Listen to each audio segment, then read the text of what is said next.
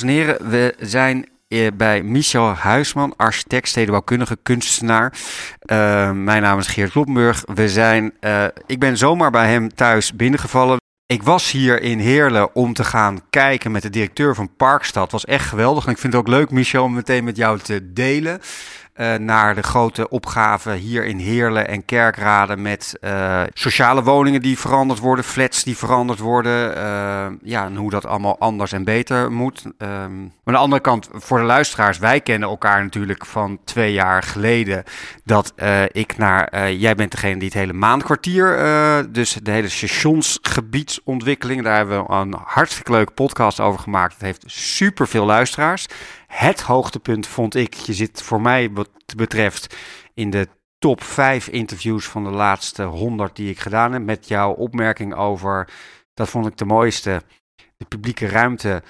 Uh, ja, wat zei je nou? De publieke ruimte duldt geen middelmaat of zo. Je bouwt het decor voor iedereen en voor de komende 80 jaar. Nou, die heb ik, die heb ik van je gejat. Met veel goed, plezier. Goed, Vond ik een hele mooie. Hoe is het met je? Terwijl ik je zomaar hier... Uh... Ja, het is, uh, de, ik denk, de drukste tijd van de afgelopen 30 jaar. En er komen een paar dingen tegelijk. Ja. Um, ik ben met een erg opwindend nieuw project begonnen waar ik je dadelijk veel over vertel. Maar tegelijkertijd ben ik aan het verhuizen nadat ik hier bijna ruim 30 jaar gewoond heb in een heel groot huis.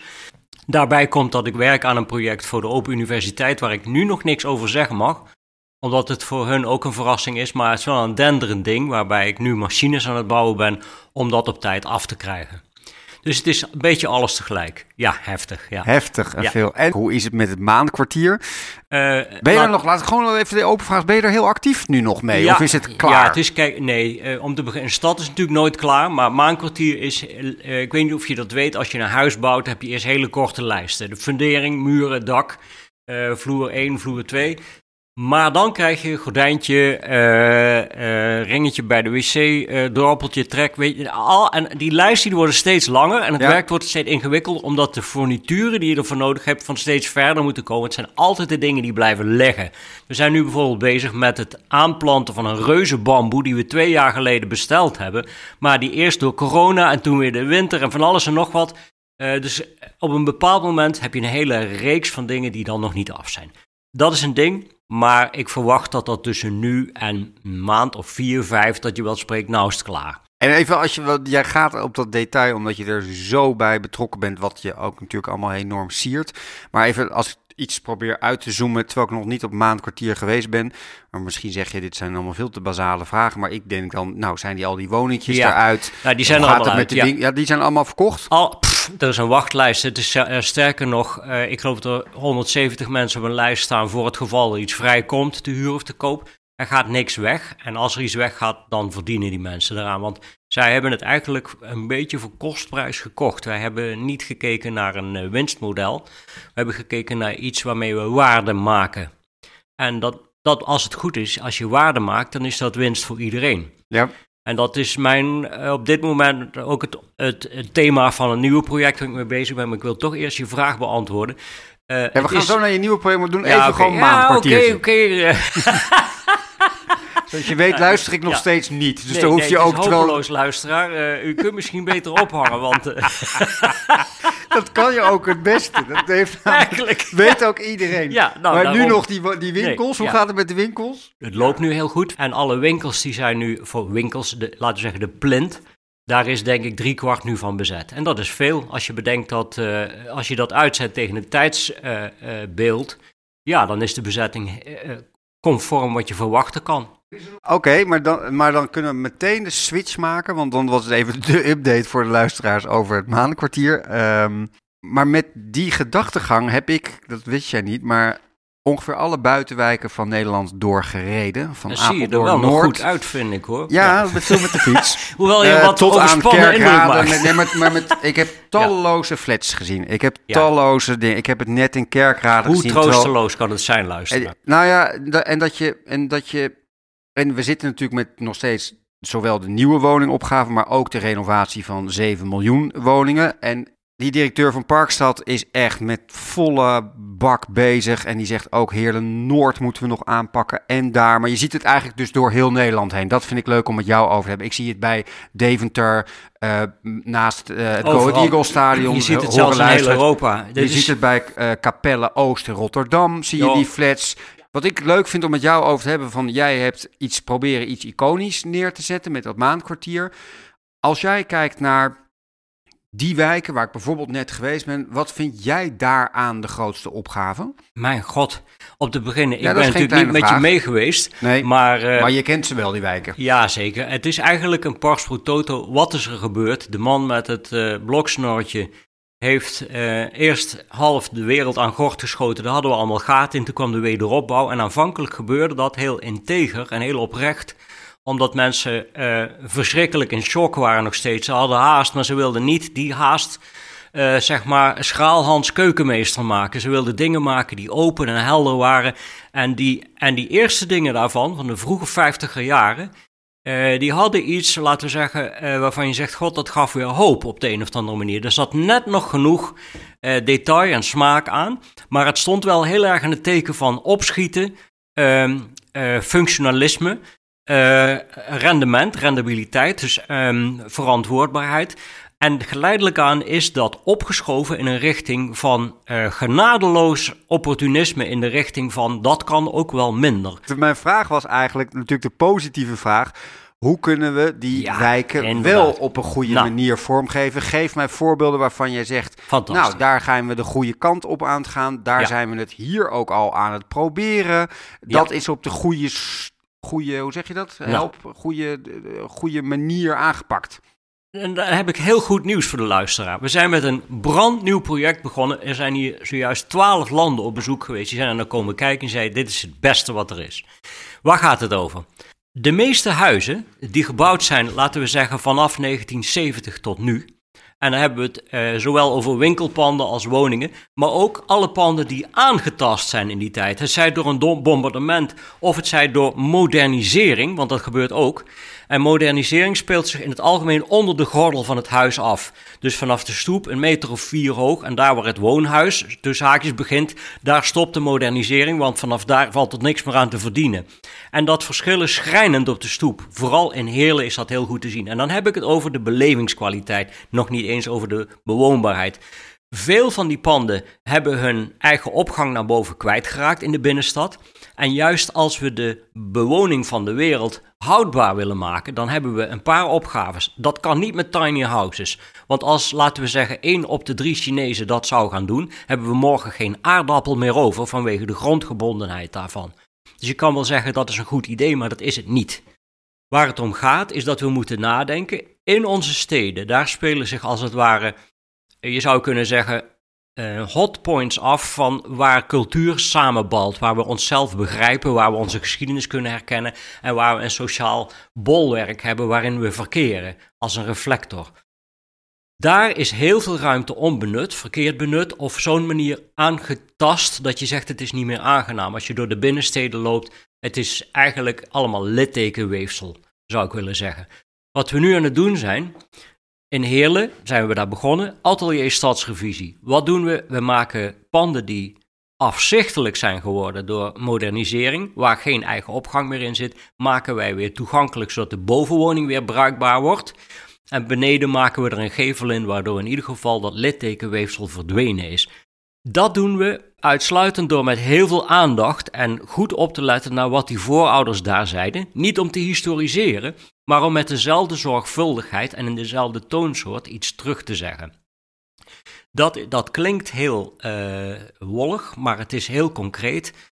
Uh, je zoekt naar leestekens, uh, naar verbindingslijntjes, naar het taalgebruik en je probeert dat zo netjes mogelijk, zo naar eer en geweten mogelijk als een soort reminiscentie terug te laten komen. Nou, dat en dat ben je nu aan het doen? Ja, dus zijn kunnen we zeg maar mensen ook de eerste panden of de eerste straten, heb je namen van waar, waar, we naar, waar ik er zo ook even kan gaan kijken? Ja, en in de Serolierstraat hebben we de Aroma Bar en de Tosti Bar. En in de, ik kan je dadelijk ook wat plaatjes laten zien. En in de Oranje Nassaustraat hebben we een zaak die Cacao heet, opgeknapt. Die zijn bijna klaar. Ik geef een voorbeeld. Uh, Maar laat ik eerst vertellen hoe het principe werkt. Ja. De meeste mensen hebben geen geld om die panden op te knappen. Door de huizenbubbel staan die onder water omdat ze te hoog getaxeerd zijn in de tijd om zo hoog mogelijk de lening op te kunnen afsluiten. De huren worden daar hoger. Eh, doordat die huren hoog zijn, kan niemand er meer in. Maar ze staan leeg. Staat dat dan beneden leeg en, En bo- boven. Allebei. Allebei. Dus en, de winkel beneden staat leeg en, en de boven woning. leeg. Want de woning kun je niet verhuren omdat je dan door de winkel moet, die je dan niet meer verhuren kan. Of je kunt de, woning, de winkel verhuren, maar dan kan je niet meer naar de woning. Om daar bijvoorbeeld tenminste een halve ton in te pompen en dan nog iets aan die gevel te moeten doen. En iemand te vinden die die winkel dan in een smallere versie gaat eh, huren. Heb je een hoop eh, zitvlees nodig financieel, maar ook een injectie van zeker 70 mil. Nog even los van de romslomp met vergunningen enzovoorts. Ja. Als dat huis al onder water staat en het staat al een tijd leeg, want dat zie je in heel Nederland, dan kom je in een situatie dat is niet op te brengen. Wat wij doen Ja, daar kom je is, een soort van niet uit. Je kan daar drie wij uur hebben lang... een team van engelen ingericht, 32 vrijwilligers, en wij doen het gewoon voor de kostprijs. We zijn hier in Heerlen. In Heerlen maken ze met carnaval wagens en daar werken ze soms een half jaar lang aan. Iedere zaterdag met een man of twintig, er wordt wat gedronken enzovoorts. En na drie dagen gaan die dingen de schroot op en hebben we wel even gelachen. Wat we nu doen, wij maken nu met vrijwilligers glas- en loodramen, krullen en toeters, kozijnen. We breken dingen af, we metselen dingen op. We halen oud eh, mozaïek weer tevoorschijn en poetsen dat op als archeologen die een tempel gevonden hebben. We zoeken naar oude koperen klinken of nieuwe, of we maken ze zelf. Net zolang tot er een pand staat waar je denkt, wauw, wat een mooi ding. En dan doen we voor niks. Het enige wat die mensen Maar krijgen... dat, even, dit is wel goed om even bij te blijven hangen. Want zowel ik, maar ik denk ook heel veel luisteraars, denken de engeltjes en voor niks. En ik moet ook even, eh, doe ik even iets heel negatiefs, maar ik denk aan de mondkapjes met Siewert van der Linden Echt weer tegelijkertijd. Kloppenburg hier, Nee, helemaal ja. niet. Ik doe, ik doe gewoon mijn onderbuik en denk, Ja, natuurlijk voor- corona. Nee, die En- carnaval snap ik. Ja. Van ja, dat doe je maar. Je bent, jouw rol is, je bent met 20 of 15 man dit 32. 32 voor 0 euro aan het doen. Nee, wacht even. Ik krijg betaald. De gemeente betaalt mij, want het is 14 uur per dag werk, ge- gemiddeld. Ja. Eh, we zijn op dit moment concreet met, eh, moet ik even rekenen, kan ik je maar meer dan 10 projecten tegelijk bezig. Maar we hebben er meer dan 32 in de portefeuille. We hebben er 82 in voorbereiding. Ja. Eh, iedereen vindt het geweldig. En De eigenaar vindt het geweldig, want er komt een oplossing. Bovendien Nee, kost nee, die- ik geloof, maar ik Ja, het gewoon, nee, maar dat hartstikke goed. Dus je zegt, jij wordt betaald, er worden eh, de vrijwilligers, er wordt in gefaciliteerd. We een- vrijwilligers doen we in principe het vrijwillig en daarmee maak je iets mogelijk wat Ja. al een tijd lang vastzit. Dus je moet altijd enorm opletten met niet Siewert van der Linden. Nee, jij wordt voor betaald. Er zijn 30 vrijwilligers die het mogelijk maken en Ja. anders had het vastgezeten. Sterker nog, eh, het is ook nog eens een sociaal project. Want die vrijwilligers, dat zijn mensen die graag een vak willen leren. Die een vak kennen, maar nog maar in plaats van 2000 stenen er 400 op een dag kunnen leggen. Maar die dat wel leuk vinden. Die het graag een ander willen leren. Mensen die een vak geleerd hebben, maar nog geen werk hebben. Of mensen die... eh, geen werk meer hebben, maar graag nog iets willen doen. En dat kan van alles zijn. Dat kan koken zijn, afwassen, eh, boekhouden, tekeningen maken. eh, alles en nog wat. En eigenlijk het hele zaakje dat hoort bij het proces van het oppakken van zo'n pand, van het slopen tot het opruimen tot het verven. Ik zal je dat daar met wat plaatjes laten zien. Dat is eigenlijk als je het met een groep doet heel erg leuk. En het mooiste is dat de mensen die dat doen krijgen weer een binding met hun stad, want zij zijn het die de stad herstellen.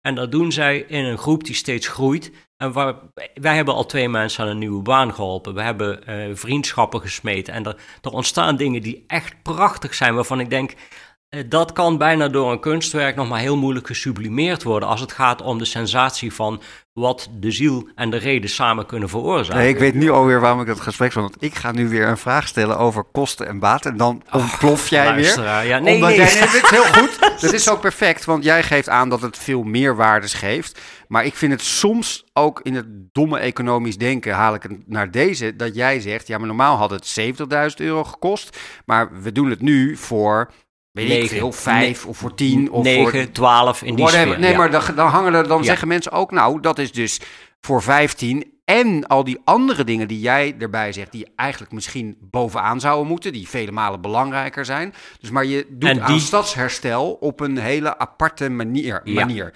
die En dat vond ik aan de vorige keer ons interview al zo aardig. Dat eigenlijk jij continu die waardes, andere waardes eigenlijk veel hoger.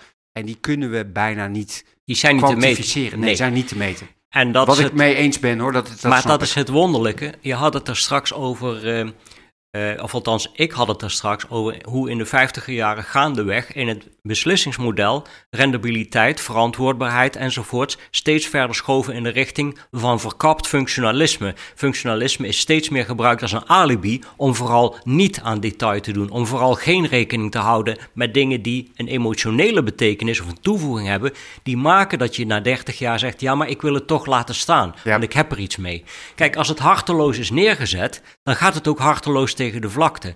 En die kapitaalvernietiging heeft nog nooit iemand in zijn cijfers meegenomen. Als je daar lang genoeg mee doorgaat, dan heb je eh, ongeveer dat wanneer je vrouw steeds een frietje oorlog maakt, want dat vond je gisteren ook lekker. Er komt een moment dat je er gewoon de strot afsnijdt, of met een andere vrouw trouwt, of weet ik veel. Luisteraar, ik bedoel dat niet zo, maar... eh, Ik wil er niet ingrijpen, Nee. ik denk ook al, die mensen denken nu echt, waar is hij nou weer beland? Ja, maar ik snap nee, precies wat je bedoelt. Nee, als je elke keer, nee, maar het vreet zichzelf vol. Ja. Als je elke keer En hetzelfde wat- doet. En het, nee, maar de conclusie is, daarom vind ik, daar gaat het. Het gaat dan dus ook naar de vlakte toe.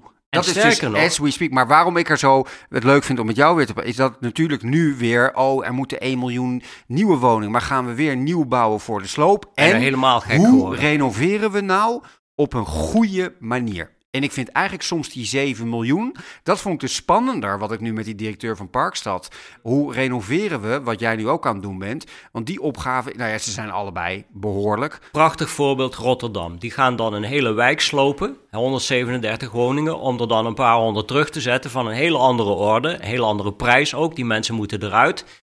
En de, de mededeling is altijd: dit moet weg, want het is niet meer op te knappen. In principe is dat altijd larikoek. Het gaat gewoon inderdaad om geld. Wat ik vaststel is dat de rekenaars zelden rekening houden met dingen die gaan over dat waarvan je net zegt het is niet te kwantificeren, namelijk de emotie.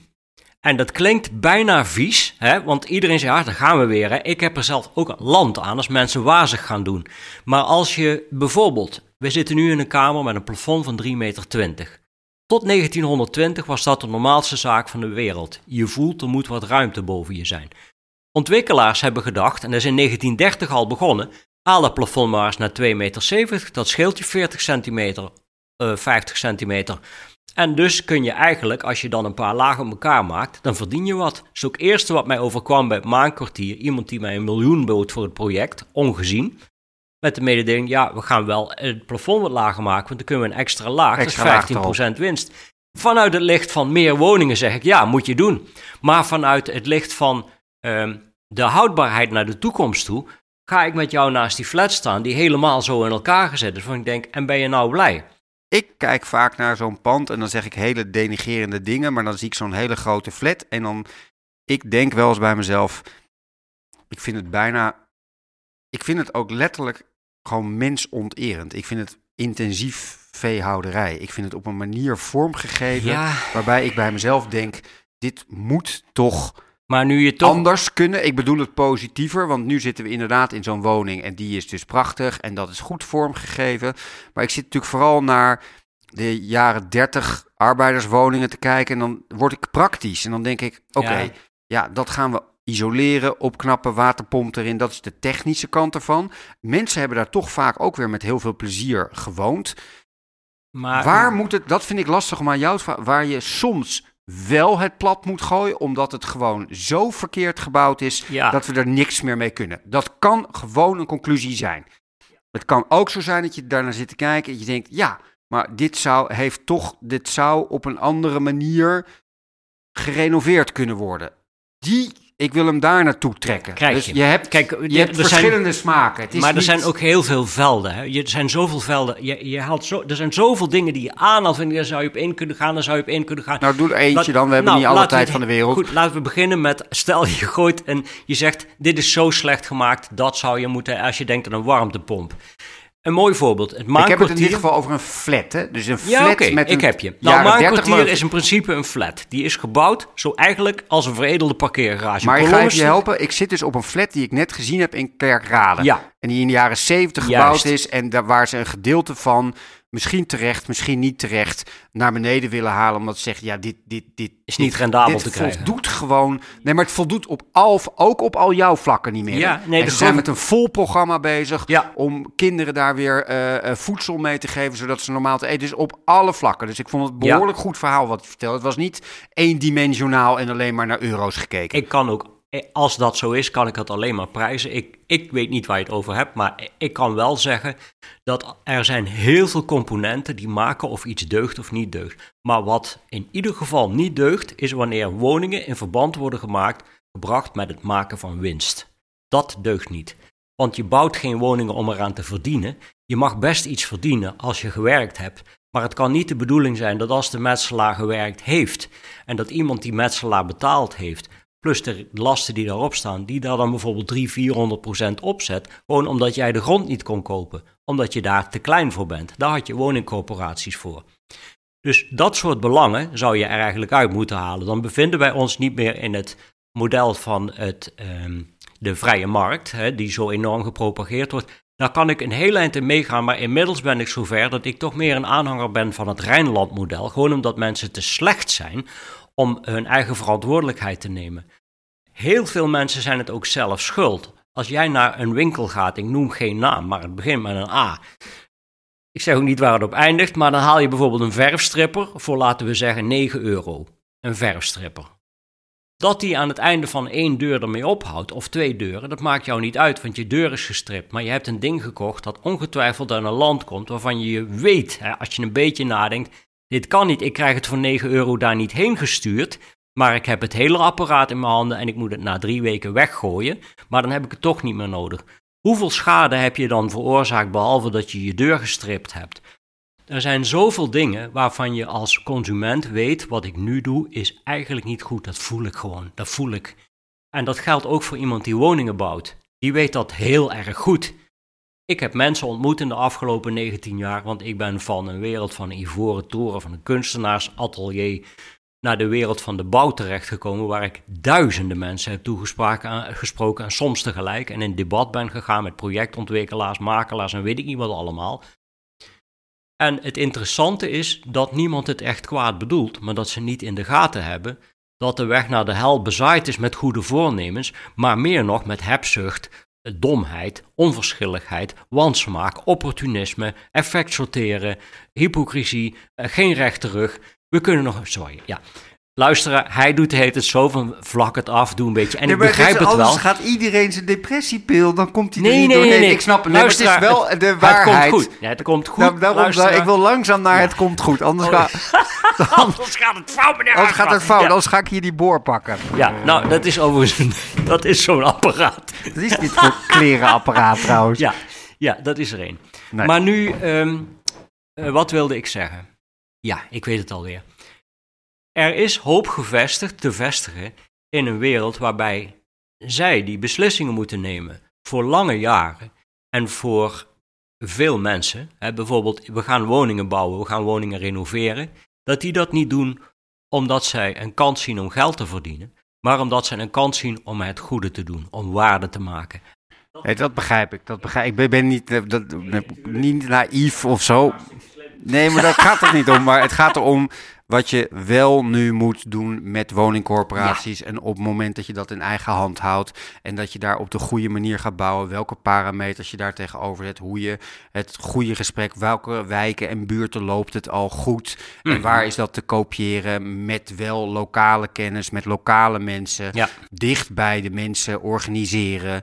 Als ik in Den Haag kom, maar ook bij de provincies, ook geef me voorbeelden hoe het wel moet, snap je? En hoe pakken we het aan? Dat is niet alleen maar tegen, tegen, tegen. Maar het is ook echt het zoeken naar, oké, is dit het voorbeeld bij, wat bij jou in die straat dus werkt met die vrijwilligers? En dan betalen we één iemand en is, werkt dat? Is, en moeten we daar dan een programma... Weet je wel, dat snap ik. Dat iemand luistert dan. Moet ik daar dan een programma op zetten? Nou, en moet ik daar 500 miljoen euro voor maken? En dat knallen we over 80 gemeentes heen of 170 gemeenten. Snap je? Dat is wat ze nodig hebben. Zou doen. Dus dat algeheel en dit en Shell en winst, dat snap ik. Maar wat we nodig hebben is wenkend perspectief. Die utopie, dat je het idee hebt wat dat kan, als we dat meer. Maar we hoeven het vaak, is het wel een, een, een, een fractie van een verandering in Appingedam of in uh, Den Helder ten opzichte van hier. Maar het gaat om een soort van basisprincipes.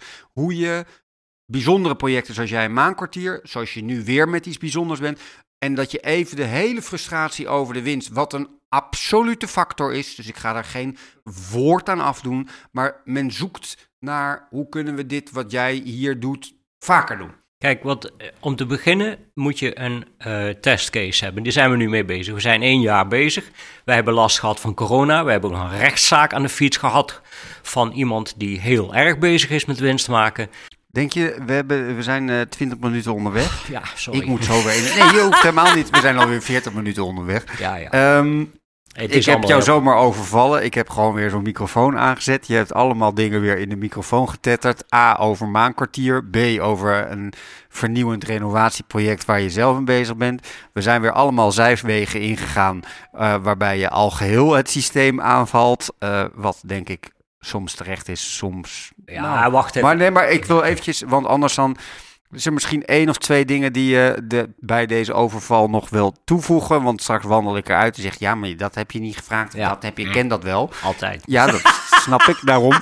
Maar uh, wat wil je nog bespreken? Kort. Wat wil Anders kom ik nog een keer langs. Dat doe ik altijd met alle liefde.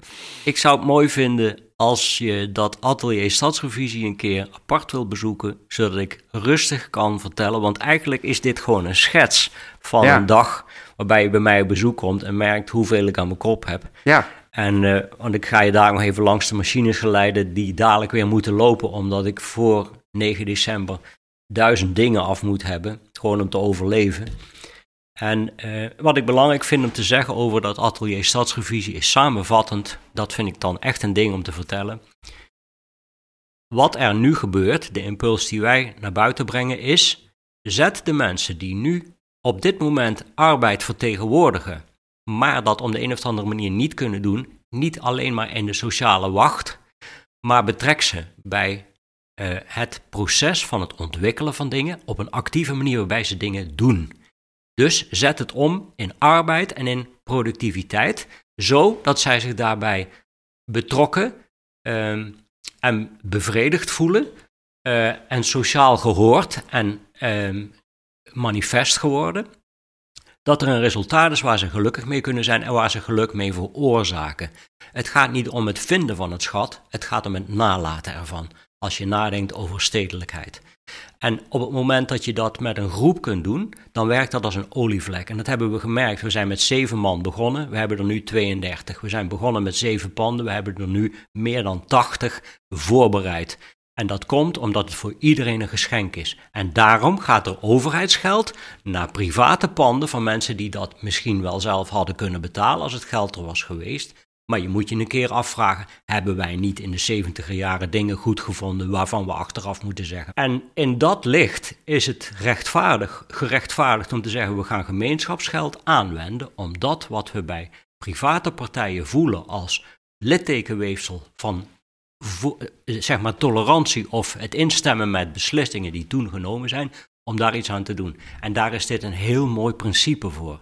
Ik kom gewoon de volgende keer met ja, uh, cameraman ook langs. Ja. En dan gaan we kijken naar de eerste panden die je uh, doet. Zit er ook al, is er ook al één pand weer helemaal af? Er is er één af en als jij komt is al, is, zijn er drie af. En die zijn dan ook alweer verhuurd, bewoond? Die zijn de hele tijd verhuurd en bewoond geweest. Luisteraars, we gaan afronden. Geen idee of we hiermee iets mee gaan doen, want het was een overval. Dat gaan we wel zien. Maar ja. het is misschien wel weer een aanleiding om terug te komen en dan hem echt tot op detailniveau. Uh, dank voor deze overval. Heb je nog één ding toe te voegen of zeg je nee, kom gewoon vooral weer terug? I love you, uh, Geert. Adios. doei. Ja, doei.